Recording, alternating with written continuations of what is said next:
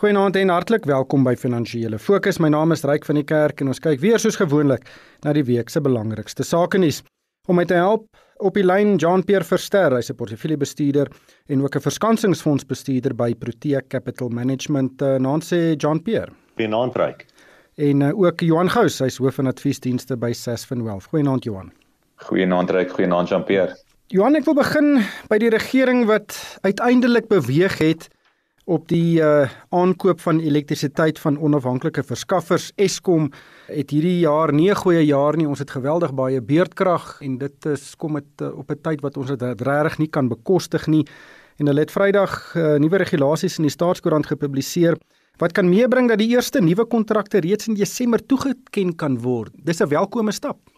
Ryk, hierdie is werklik 'n goeie nuus dat ons ons bronne van elektrisiteit nou gaan verbreek ons is ver te afhanklik van Eskom se vermoë of kom ons sê daar miskien onvermoë om krag op 'n volhoubare en stabiele basis aan ons uh, brose ekonomie te voorsien. En ek dink die feit dat dit alternatiewe bronne gaan wees wat son en wind gaan insluit, is vir my ook nog 'n baie groot uh, pluspunt uit 'n omgewingsvriendelike of groen energie oogpunt.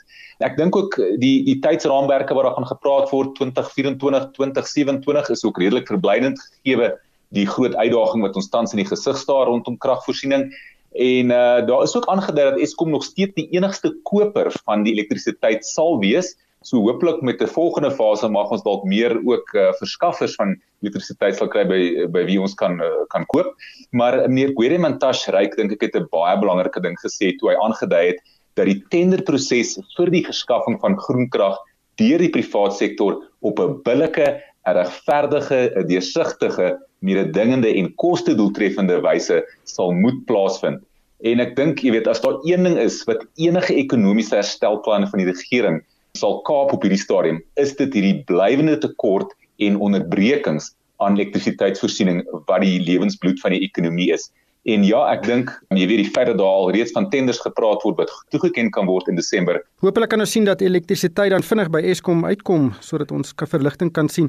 Maar John Pierre is nie net elektrisiteit nie, ons het dit natuurlik brood nodig. Dis uh, ek dink nommer 1 op die lys van die regering se planne om die ekonomie te stimuleer, maar dit gaan ook welkome belegging na Suid-Afrika toe lok. Hierdie onafhanklike kragaanlegte is duur, veral die sonkrag uh, is is baie duur en uh, dit het ons ook nodig.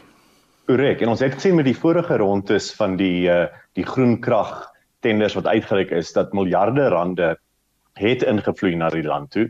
Nou natuurlik daai geld wil altyd 'n opbrengs hê en dis waar die regering bietjie versigtig was tot op hede in terme van die tariewe wat aangebied word vir die die groen kragbeskaffers en dat hulle wil hê dat Eskom die enkele aankoper wees van daai krag om seker te maak dat aan die een kant daai beleggers en die kapitaal wat inkom in die land 'n relatiewe goeie opbrengs kry, maar ook nie so hoë opbrengs dat die betalers van die elektrisiteit dan so baie betaal vir groen krag dat dit uh, amper duurder uitwerk as wat dit uh, sou met ou steenkoolkrag op die lang termyn nie. Gelukkig deesdae, daai tariewe het so verlaag in terme van groen krag of dit nou uh, son, wind of of ander bronne is, dat dit is baie meer dingend en tot 'n groot mate nou selfs goedkoper afhangende hoe mens die kapitaalekoste toedeel as tradisionele steenkoolkrag. Ja, ons het meer kapitaal nodig. Eskom se balans staat laat dit nie toe nie. Daar is nie meer geld vir Eskom self om hierdie groen krag aanlegte en uh windplase te bou nie. So ons moet privaat sektor kapitaal inkry daarvoor. Dit sal insluit van oorsee, 'n land so Spanje byvoorbeeld is 'n spesialis as dit kom by sonkrag en uh, ons hoop regtig waar dat hulle nou die die versoek vir voorstellings of die RFP soos hulle in Engels sê, request for proposals sal uitreik voor Desember. Uh maar reik ons het ook al in die verlede gesien die regering sleep hulle voete as dit kom met hierdie groenkragprojekte. So ek is regtig waar dat die glas gaan al vol wees en dat ons wel teen Desember verdere aksie sal sien met hierdie groot projekte. Ja, ons wag nou al vir hierdie beweging sedert die begin van die jaar toe die president hierdie noodplan aangekondig het om bykomende elektrisiteit aan te koop. Maar Johannes ook vir my, hierdie is dalk 'n voorbeeld van hoe die regering en die private sektor kan saamwerk. Dis amper 'n blou druk. Eh, daar's baie van die regering se staatsbeheerde instellings wat sukkel kan nou verskillende dinge beteken, maar dis baie duidelik dat die regering en die private sektor moet saamwerk om van daardie probleme op te los en hooplik kan hierdie dan 'n blou druk wees vir daardie samewerking. Ryk definitief. Jy weet ons het altyd gesê dat die antwoorde lê nie net by die regering vir ons huidige uitdagings waarna ons kyk nie. En dit kan absoluut wees. Jy weet my dis net vir my so jammer dat ons nie dalk ook kan leer uit hierdie proses uit wat ons dalk met SAL kon gedoen het nie want ons weer daar gaan nou weer daai ekstra 10.3 miljard uh, rand wat toegeken gaan word daarso om heel moontlik uit te help. Geld wat ons nie het nie. So jy weet hopelik soos jy sê kan hierdie 'n goeie uh, ervaring wees kan hierdie goeie bloudruk raak vir verdere um, uitkomste vir ons staatsbeheerde organisasies John Pierre, kom ons kyk 'n bietjie na koöperatiewe nuus en ek dink die groot storie van die week was uh, African Rainbow Capital wat 'n regte uitgifte gaan doen, so wat 750 miljoen rand. Maar 200 miljoen rand daarvan gaan vir bestuursfooie en die mark was uh, nie daarmee gelukkig nie. Korrek, soveel so dat die aandeleprys het Vrydag verhandel teen vlakke binne die regte uitgifteprys wat impliseer dat uh, mense kon in die in die mark aandele goedkoper koop as via die regte uitgifte wat gewoonlik sou beteken dat die onderskrywers van die regte uitgif wat meerendeels African Rainbow Capital uh, filiale is sal dit moet ondersteun. Dit gaan nie deur die minderheidsaandeelhouers ondersteun word nie. En die hoofrede vir die ongelukkigheid is dan die hoë uh, gedeelte van hierdie regte uitgifte kapitaal wat net so gaan vir die bestuursfooi. Nou Vrydag was daar wel 'n aankondiging gewees waar African Rainbow Capital gesê het nee dit gaan nou nie meer direk vanaf die um, vanaf die regte uitgifte geld kom nie. Maar al wat dit beteken is die regte uitgifte geld gaan in hulle linkersak en hulle gaan nou die bestuursfooi betaal uit hulle regtersak, nie meer ook die linkersak nie. So dit beteken eintlik nie veel nie. En ook die ander ding is eh, enige regte uitgif is hoogs verwaterend. So wat dit beteken is as mens uh, jou African Rainbow Capital aandele gekoop het teen teen R6.70 of naby R7 waar dit half uitgereik is aan die publiek 'n paar jaar terug toe dit noteer het om nou 'n regte uitgif teen uh, rolweg R2.75 te doen vir water die waarde van jou aandele en die, die netto batewaarde per aandeel van jou belegging maar dit het nie 'n impak op die op die hoë watermerk van waar hulle prestasiefooie begin vra nie. En uh, hulle hulle bestuursfooie is ook gebaseer op die teoretiese netto batewaarde waar die bestuur self die insette tot daai bedrag bepaal van die netto batewaarde en terwyl die aandele teen 'n 70% plus diskonto verhandel teen daai netto batewaarde. So basies ry kom kom dit daarop neer dat waar ook hulle mense situasies het waar daar nie 'n beleining is van belange nie en 'n konflik van belange tussen hoe fooi strukture werk en waarop dit gebaseer is teenoor wat aandeelhouers verdien self as hulle aandele koop dan het 'n mens partykeer ongelukkige uitkomste en hier is maar net nog een van daai gevalle. Ja, African Rainbow Capital word besit uh, deur Patrice Motsepe, Dr. Johan van Sail, die voormalige uitvoerende hoof van Sanlam is uh, een van die uitvoerende direkteure daar. Maar is 'n interessante scenario wat hom uitspeel Johan omdat uh, beleggingsbeheermaatskappye soos African Rainbow Capital is onder druk omdat hulle nie heeltemal die waarde van hulle onderliggende besighede deur kan gee aan aandeelhouers nie. Korrek, reik nou. Jy weet gewoonlik is daar 'n bietjie van 'n diskonto relatief tot die waarde van die portefeulje. Maar in hierdie geval, as ons kyk na waar die aandele verhandel, kyk ons na 'n 74% diskonto volgens die laaste syfers wat ek gesien het. So die ehm um, beleggers is nie stem nie saam met hierdie waardasies wat op hierdie portefeulje geplaas word nie. En ek dink wat hier gebeur het, daar was nie deursigtigheid gewees nie. Hierdie het as 'n verrassing gekom. Dit het gekom met hierdie omsendskrywe wat maandag eers uitgekom het. Daar is niks daarvan laasweek gepraat nie en dit gaan baie interessant wees om te sien wie gaan hierdie regte uitgifte opneem. Maar die kat is uit die sak uit, maak nie saak hoe hulle hiervoor gaan betaal nie. Dit is nie 'n goeie ding vir vir ARK op hierdie stadium nie. Julle is nou altyd baie diplomaties. Verskeie kommentators op sosiale media het hulle self baie sterker uitgespreek en gesê hierdie is 'n groot voorbeeld van onetiese optrede van 'n koöperatiewe entiteit. En as so iets byvoorbeeld in die regering sou gebeur het, sou almal op en af gespring het vir weke lank. Johan Ja, wel, reik nie, ek weet dit is weer eens korporatiewe bestuur. Hoe hoeveel verhale van swak korporatiewe bestuur en ondeursigtigheid moet daar nog wees, jy weet, uh voordat uh beleggers ook werklik besluit, jy weet, uh, dit is nie meer vir die moeite baie te belê nie. So ek dink hierdie bly absoluut net 'n groot uitdaging in ons mark. Jean-Pierre, nog 'n voorbeeld dalk is uh Henretti by Sanlam wat 'n uh, 3 miljoen aandele gekry het wat hy nou eers oor 5 jaar van ons sal ontvangs van neem, maar hy gaan tot dan dividende ontvang en hy is nou maar net net meer as 'n paar maande daar.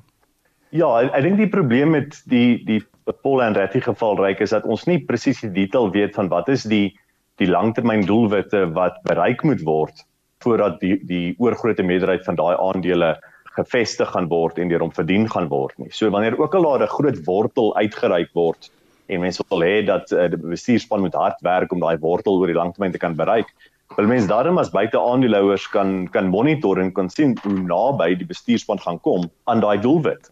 En ek glo self daarin om te sê dat vir goeie prestasie en bo-gemiddelde prestasie moet mense bereid wees om bo-gemiddeld mense bestuurspan te betaal. Maar dan moet dit net vir bo-gemiddelde prestasie wees. En die die probleem altyd met die uh met hoe hierdie strukture aan mekaar gestel word, hierdie hierdie opsie strukture en aandele strukture is dat dit weer eens nie altyd lei tot 'n beleining van belange tussen buite aandeelhouers en die bestuurspan nie. So dit is altyd vir my die kern. Enige prestasie fooi struktuur of aandele prestasie bonus struktuur moet geskryf wees op die feit dat as die as die maatskappy wen en die aandeelhouers wen, dan kan die individu wen.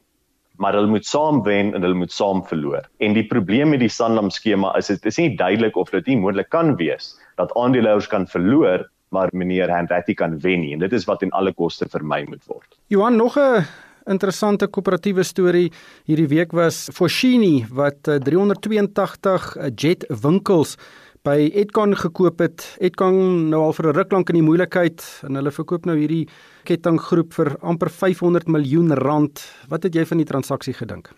Ryk ja, in in Julie al het Fushini einkoms bereik met Edcon om geselekteerde bates van Jet as 'n klere kleinhandel divisie van Edcon te koop en dit is toe nou Vrydag bevestig dat die Fushini groep nou wel soos jy sê 382 Jet winkels gekoop het vir so omtrent 480 miljoen rand. Uh Fushini sal dan ook 4800 van die Jet werknemers oorneem as ook 'n seleksie van die um, uitvoerende bestuur. Ek dink dit is baie goeie nuus gegee jy weet wat ons gesien het wat COVID gedoen het in terme van indiensneming. Die Fushini groep self het 29 kleinhandelsname wat wyd strek: kleding, skoeisel, juweliersware, selfone, jy kyk na tegnologie, huisware. So ek dink ehm um, jy weet hierdie is maar net uh, nog 'n geleentheid wat wat hom voorgedoen het vir Fushini verdere uitbreiding in die plaaslike mark. En jy weet as ek net kyk na die aandeleprys ongelukkig Fushini self uh, as ons kyk 'n jaar terug, uh oor die afgelope jaar het ons op R175 gestaan op hierdie aandeel. Hy het so laag gedaal as R56 vroeër vanjaar en hy's nou hierso by die R75. Nou ons nou hierdie bevestiging uh, gekry het Vrydag. So hy's nog steeds helfte van sy waarde wat ons op 1 Januarie gesien het. So dit bly maar nog steeds 'n moeilike situasie, 'n moeilike omgewing vir kleinhandelaars. Ja, Jean-Pierre, dit is eintlik 'n voorbeeld van 'n goeie maatskappy wat nie heeltemal getakseer word op sy waarde nie. Daar's baie baie kommer van beleggers natuurlik omdat die aandelepryse so laag is, maar die onderliggende besigheid is baie baie gesond. Ja, en spesifiek die Jet besigheid was onderliggende sterk besigheid binne 'n baie swak groep, die Edcon groep. So dit is wel gedaan deur uh, the Fushini groep, uh, eh, TFG om te kon sien dat daar wel 'n ju juweel steek tussen al die gemors van die Edcon groep en net daai spesifieke juweel uitgekoop het. En ek is ook relatief optimisties dat die Jet groep gaan positief wees vir uh, die Fushini groep se se eie winste groei omdat hulle die beste deel van die Edcon groep half uit Edcon uitgekoop het maar die res daar gelos het wat nie te waffers gevaar het nie.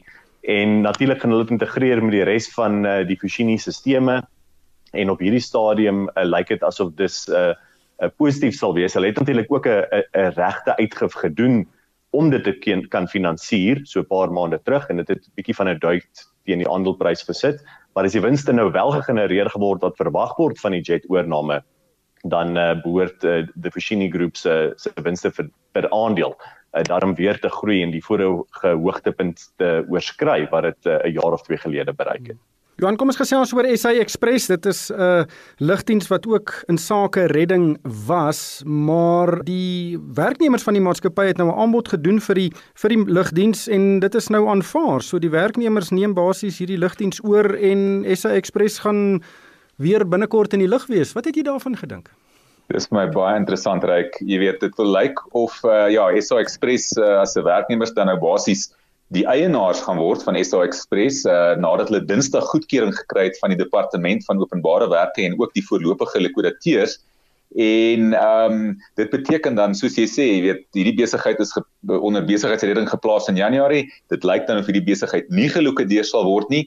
En die werknemers het nou lyk like my 'n spesiale besigheidsvoertuig geskep wat bekend staan as Fly SAX maar die die plan het eintlik ontstaan uh, uit 'n voorstel wat deur meneer Klakudi as direkteur-generaal van die departement van openbare werke geopper is. En daarna en ek weet nie wat is die Afrikaanse naam spesifiek vir 'n crowdfunding nie, maar kom ons noem dit 'n sosiale funderingsplatform. Dit is uh, Uprise Africa wat toe nou vir die werknemers gevra het maar kan hulle help. Uh, en en baie belangrik ook ryk Nomsa as een van die vakunis het gesê ja hulle sou graag nog steeds SA Express wou deel gehad het as 'n deel van die staat maar hulle het toe ondersteuning gegee vir hierdie besluit. En ek dink hier's nog net baie werk wat gedoen moet word rondom die fundering dan ook aandeelhouers ooreenkomste en dan ook weet wie hoe die bestuur gaan lyk. Maar uh, daar is ook nou 'n geleentheid vir beleggers wat in die SA Express besigheid gaan belê om dan éventueel deur ZARX as 'n beurs dan van hulle um, belange te kan verhandel. Jean-Pierre, is dit 'n privatisering? Mens kan dit seker in 'n mate so sien, ryk, want uh, die die regering gaan nie meer die eienaar wees van die besigheid nie. Dit gaan nou private individue wees. Ehm um, so in daai opsig ja, maar ek dink die verskil van 'n tipiese privatisering is gewoonlik in 'n privatiseringstransaksie is die koper iemand met relatiewe diep sakke wat verdere kapitaal kan instoot terwyl met hierdie tipe 'n uh, model van 'n meer 'n uh, sosiale platform en 'n klomp verskillende mense wat elkeen 'n klein bedrag bydra, liewers as een koper wat 'n groot bedrag bydra, beteken dit dat as daar verdere kapitaal benodig gaan word, dit relatief moeilik kan wees om addisionele kapitaal te kan te kan inkry. En ongelukkig 'n lugredery ryk is op hierdie stadium nie nie 'n besigheid wat ek graag 'n eienaar van sal wil wees nie. Daar's teen meer kapitaal wat benodig gaan word om die vliegtye in die lug te hou. Wêreldwyd sien ons maar daar is 'n klomp lugrederye wat gelikwideer word. So alle sterkte vir uh, vir die groep mense, die werkers wat nou saam eh, 'n uh, lugredery gaan besit, maar as die opgewondenheid nou bietjie getaam het, is daar harde werk wat voor lê dink ek. Dis nie altemat nie. Maar uh, die tyd het ons ingehaal. Jean-Pierre, dankie vir jou tyd vanaand. Dit was Jean-Pierre Verster. Hy se portefeulje en 'n verskansingsfondsbestuurder by Protea Capital Management en ook dankie aan Johan Gous, hy is hoof van adviesdienste by Sasfin Wealth. En vir my ryk van die kerk, dankie vir die saamluister en ek hoop almal het 'n winsgewende week.